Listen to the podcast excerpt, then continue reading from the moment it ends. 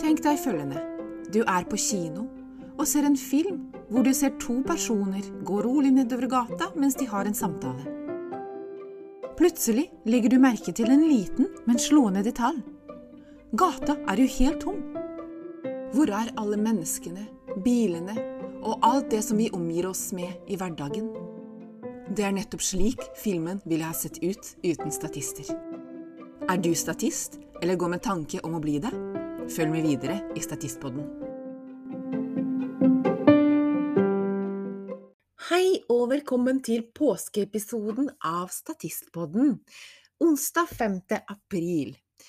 Og hvis du er sånn som veldig mange andre som tilbringer en påske med å se på film og serier, ja, før var det jo bøker og påskekrim osv., men nå blir det liksom mer og mer Netflix og sånne type ting, så bør du absolutt følge med videre, fordi at det kan hende at du i en eller annen episode plutselig ser deg selv, enten i bakgrunnen eller at du er der litt mer synlig. Og det kommer selvfølgelig an på rollen, og i de aller fleste tilfeller så er du klar over hvor synlig du er. Men noen ganger så er du faktisk ikke fullt klar over det. Og derfor så har jeg tenkt i denne episoden å snakke om nettopp dette med å se seg selv på TV. I 2015 så medvirket jeg i en episode, eller det var en kampanje, og snutten fra denne kampanjen den fins jo da på min portefølje, for de som er interessert i å se den og litt nysgjerrig. Det er da www.julianna.no portfolio. Der finner du den snutten som heter Matro, eller På tide med matro. Og der eh, stilte jo jeg som aktør, og for så vidt så har det jo vært en del diskusjoner om hva som egentlig kjennetegner en aktør. Om en aktør egentlig er en statist eller en skuespiller eller kan være begge deler. Vel, det kommer jeg nok til å kjøre debatt om eh, etter hvert. Men poenget er at i denne snutten som skulle gå på sosiale medier, der øh, var det jo mennesker som hadde slitt med spiseforstyrrelser og problematisk forhold til mat, som skulle fronte denne kampanjen. Og jeg skal være åpen med dere som lytter til denne podkasten om at jeg har i mange år slitt eh, med nettopp denne problematikken. Jeg har hatt eh, utfordringer knyttet til mat, jeg har vært stadig på slankekurer og forskjellige dietter så hadde jeg akkurat født et barn. Og grunnen til at jeg ble med i denne kampanjen, var for å belyse dette fra en nybakt mor eh, sin perspektiv Å belyse dette fra en nybakt mor sitt perspektiv. Fordi at uh, jeg uh, var jo veldig påvirket av disse influenserne da, som la ut uh, bilder av flat mage fire dager etter fødselen, og jeg ønsket jo å toppe dette. Og det endte jo opp med at jeg la ut bilde to dager etter fødselen hvor jeg hadde like flat mage som før jeg ble gravid. Og jeg hadde jo brukt eh, magebelter og diverse for å på en måte fremskynde den prosessen da, med å få flat mage etter fødselen. Og det beltet det, det tok jeg på med en gang jeg hadde født omtrent, så det var ikke snakk om å vente. Men poenget er jo da at i denne kampanjen så var det jo mennesker som fortalte fra sine egne liv og sine egne historier. Og ettersom at man blir veldig eksponert på sitt mest sårbare, så husker jeg det at vi måtte sette oss veldig godt inn i hva det innebar å faktisk være med i denne kampanjen. I tillegg til at vi også fikk en felles sesjon med en psykolog som eh, ga oss eh, mange gode råd til hvordan vi skulle mm, håndtere denne eksponeringen, og ikke minst hvordan vi skulle forholde oss til eventuelle kommentarer, da bl.a. på YouTube. Og kanskje om vi skulle bli utsatt for noen form for hets eh, i sosiale medier pga. Eh, denne kampanjen. Og det som jeg husker vi ble rådet til den gangen, var jo rett og slett å la være å lese kommentarene. Hvor fristende det enn måtte være, så måtte vi bare stå i det og la være å lese. Fordi at det, det fins alltid noen som skal mene ditt og datt. Det fins jo mange som er å betegne som et slags mammapoliti, som ville rettet en pekefinger mot meg og sagt at du, du, skal ikke gjøre sånn, du skal ikke begynne å trene liksom, noen få dager etter fødsel og stramme inn magen med korsett rett etter å ha født og Ja, ikke sant? Altså, du ser jo poenget. Nei, altså, det fins alltid noen som skal mene et eller annet. Eh, så da tenkte jeg ok, jeg prøver så godt jeg kan å la være å se kommentarene. Snutten ligger som sagt ute på min portefølje for de som ønsker å se den. Eh, og da var sønnen min Han var født i januar, og dette var da filmet i mai, så han var fire måneder gammel. Ja. Men uansett, å se seg selv på TV er jo litt spesielt. Nå var jo ikke jeg den som frontet denne kampanjen mest, det var jo en annen person som fikk mer skjermtid enn det jeg fikk, for så vidt. Eh, men det var eh, For min del så var det jo det å faktisk få vite litt om hva slags reaksjoner jeg kan forvente, det var veldig nyttig og verdifullt. Og eh, jeg har jo opplevd å se meg selv på TV utallige ganger. Faktisk den aller første gangen jeg opplevde det, da var jeg faktisk tre år gammel, og da husker jeg at da var det en, en video jeg lurer på om det faktisk var en hjemmevideo som en familiemedlem hadde filmet og som viste deg på TV, og jeg skjønte jo ikke forskjellen på å komme på TV og å faktisk se en hjemmevideo som var filmet med et privat videokamera, ikke sant. Um, og andre gangen eh, det skjedde, uh, så var det også et, et, privat videoklipp. Da var jo jeg i bryllupet til en ja, venninne til moren min sin datter, faktisk. ja. Um, og da var jeg seks år, så da så jeg også meg selv på TV i um, denne videosnutten, da. Men det var også en privat video, ikke sant. Men da begynte jeg å skjønne litt mer forskjellen på en privat video og en uh, video som da kommer på TV, ikke sant. En TV-sending. Og da begynte jeg å skjønne litt forskjell, men allerede da så ble jo jeg litt oppmerksom på dette med å komme på TV, hvordan man tar seg ut hvordan man uh, ser seg selv utenfra. Fordi det er klart det er stor forskjell på å se seg selv i speilet og å se seg selv på TV, og jeg har fått mange ganger sjokk bare av å se bilder. Uh, så jeg var jo rimelig spent da, hver gang jeg hadde sett meg selv, eller skulle til å se meg selv i en eller annen TV-serie eller en eller annen reklame. Hvordan tar jeg meg egentlig ut? Og jeg satt jo der, jeg husker når jeg skulle se Lillehammer Jeg så den fra start til slutt, nemlig. Jeg så hele serien. Eh, fordi jeg også ville få med meg sammenhengen, i hvilken sammenheng jeg faktisk eh, var, eh, hadde den rollen, da. Og når jeg så den, og det kom til den scenen hvor jeg var med, så husker jeg jeg hadde nesten nervøst sammenbrudd. Jeg var så nervøs, og jeg, var, jeg stengte meg jo inne, passet på at jeg var alene hjemme, og, og lukka døra inn til soverommet hvor jeg satt eh, og skulle se på dette, for jeg følte at det var så flaut.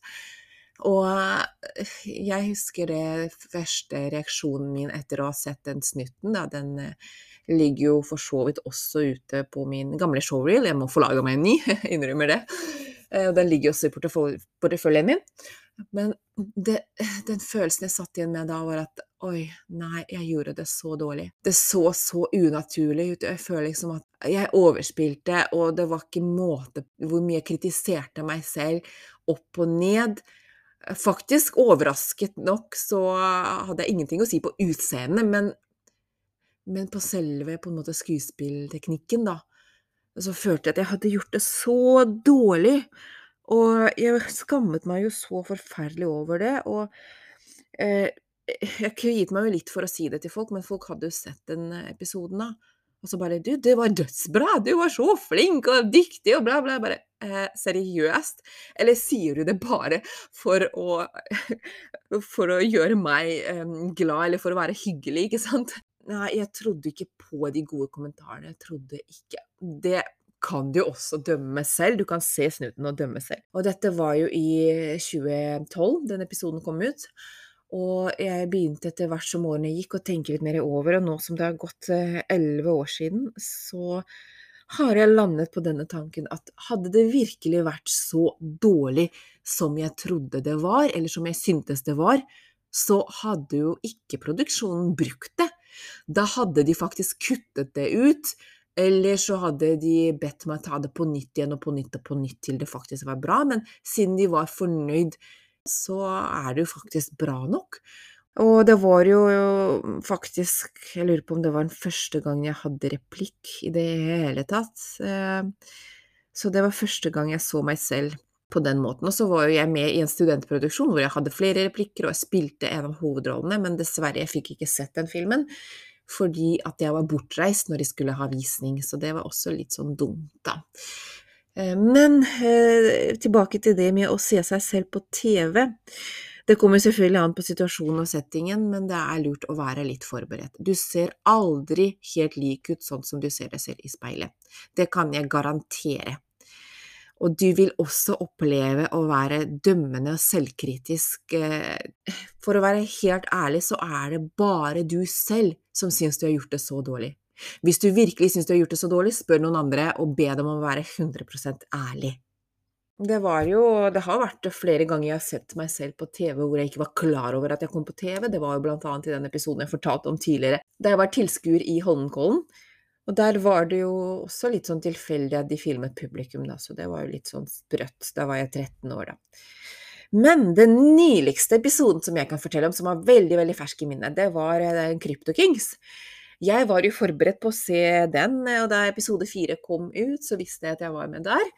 Og så var jeg veldig spent på ok, hvordan har jeg gjort det her? Og det viste seg da at eh, jeg var mye mer objektiv i mitt eget syn på min egen prestasjon og syn på meg selv i den rollen. Og jeg syntes faktisk ikke at jeg så så gammel ut som jeg følte jeg så på de bildene. Ja, eh, så her var det jo faktisk skrekken min å se gammel ut, ikke hvordan jeg faktisk gjorde det som skuespiller, nei, det var om hvorvidt jeg så gammel ut eller ikke i den eh, episoden.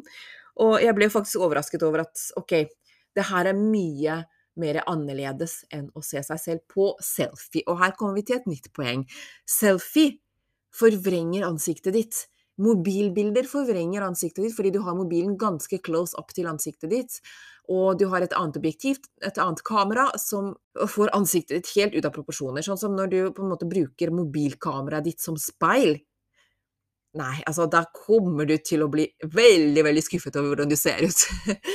Så et profesjonelt kamera fanger ansiktet ditt mye mer realistisk enn et mobilkamera, så vær klar over det også. Så faktisk så ble jeg litt sånn positivt overrasket. Ok, ja, det var ikke så ille som jeg hadde fryktet. Men så var det noen som hadde lagt ut en annen videosnutt. Jeg bare Å ja, den var jeg med i, men der var jeg bare som publikum. Men jeg ser den jo for moro skyld, da. Mest sannsynlig så kommer jo ikke jeg med, for det var jo en uh, snutt hvor de hadde jukset en folkemengde til å være mye større enn den var.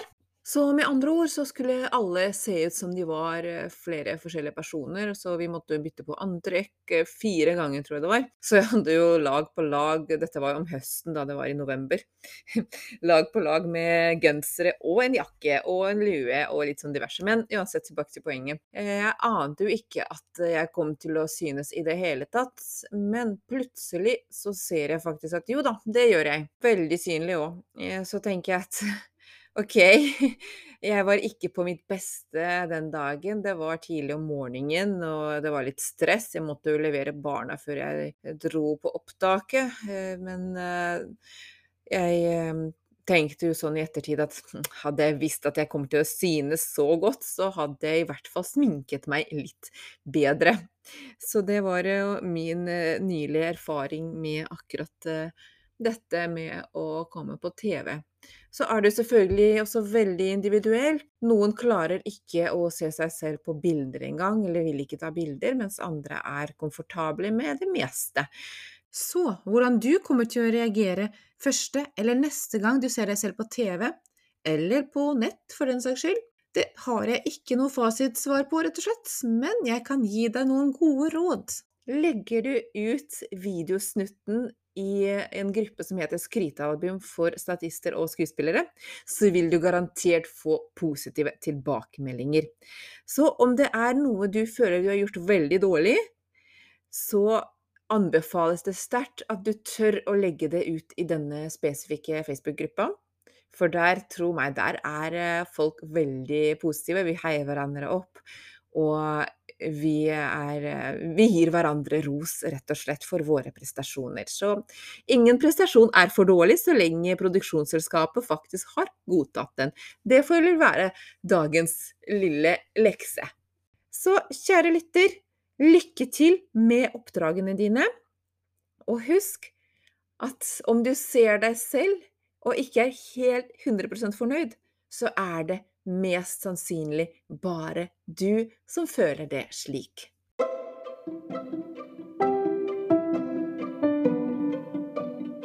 Og med dette gjenstår det å ønske deg en riktig god påske. Og så håper jeg du koser deg med film eller bøker eller familien din. Uansett så snakkes vi nok igjen snart. Og er det noe du lurer på eller ønsker å snakke med meg om et spesifikt tema, kanskje har du en god historie å fortelle, ikke nøl med å sende meg en mail på podcast at julianne.no. Takk for at du hører på Statistpodden. Ha det bra!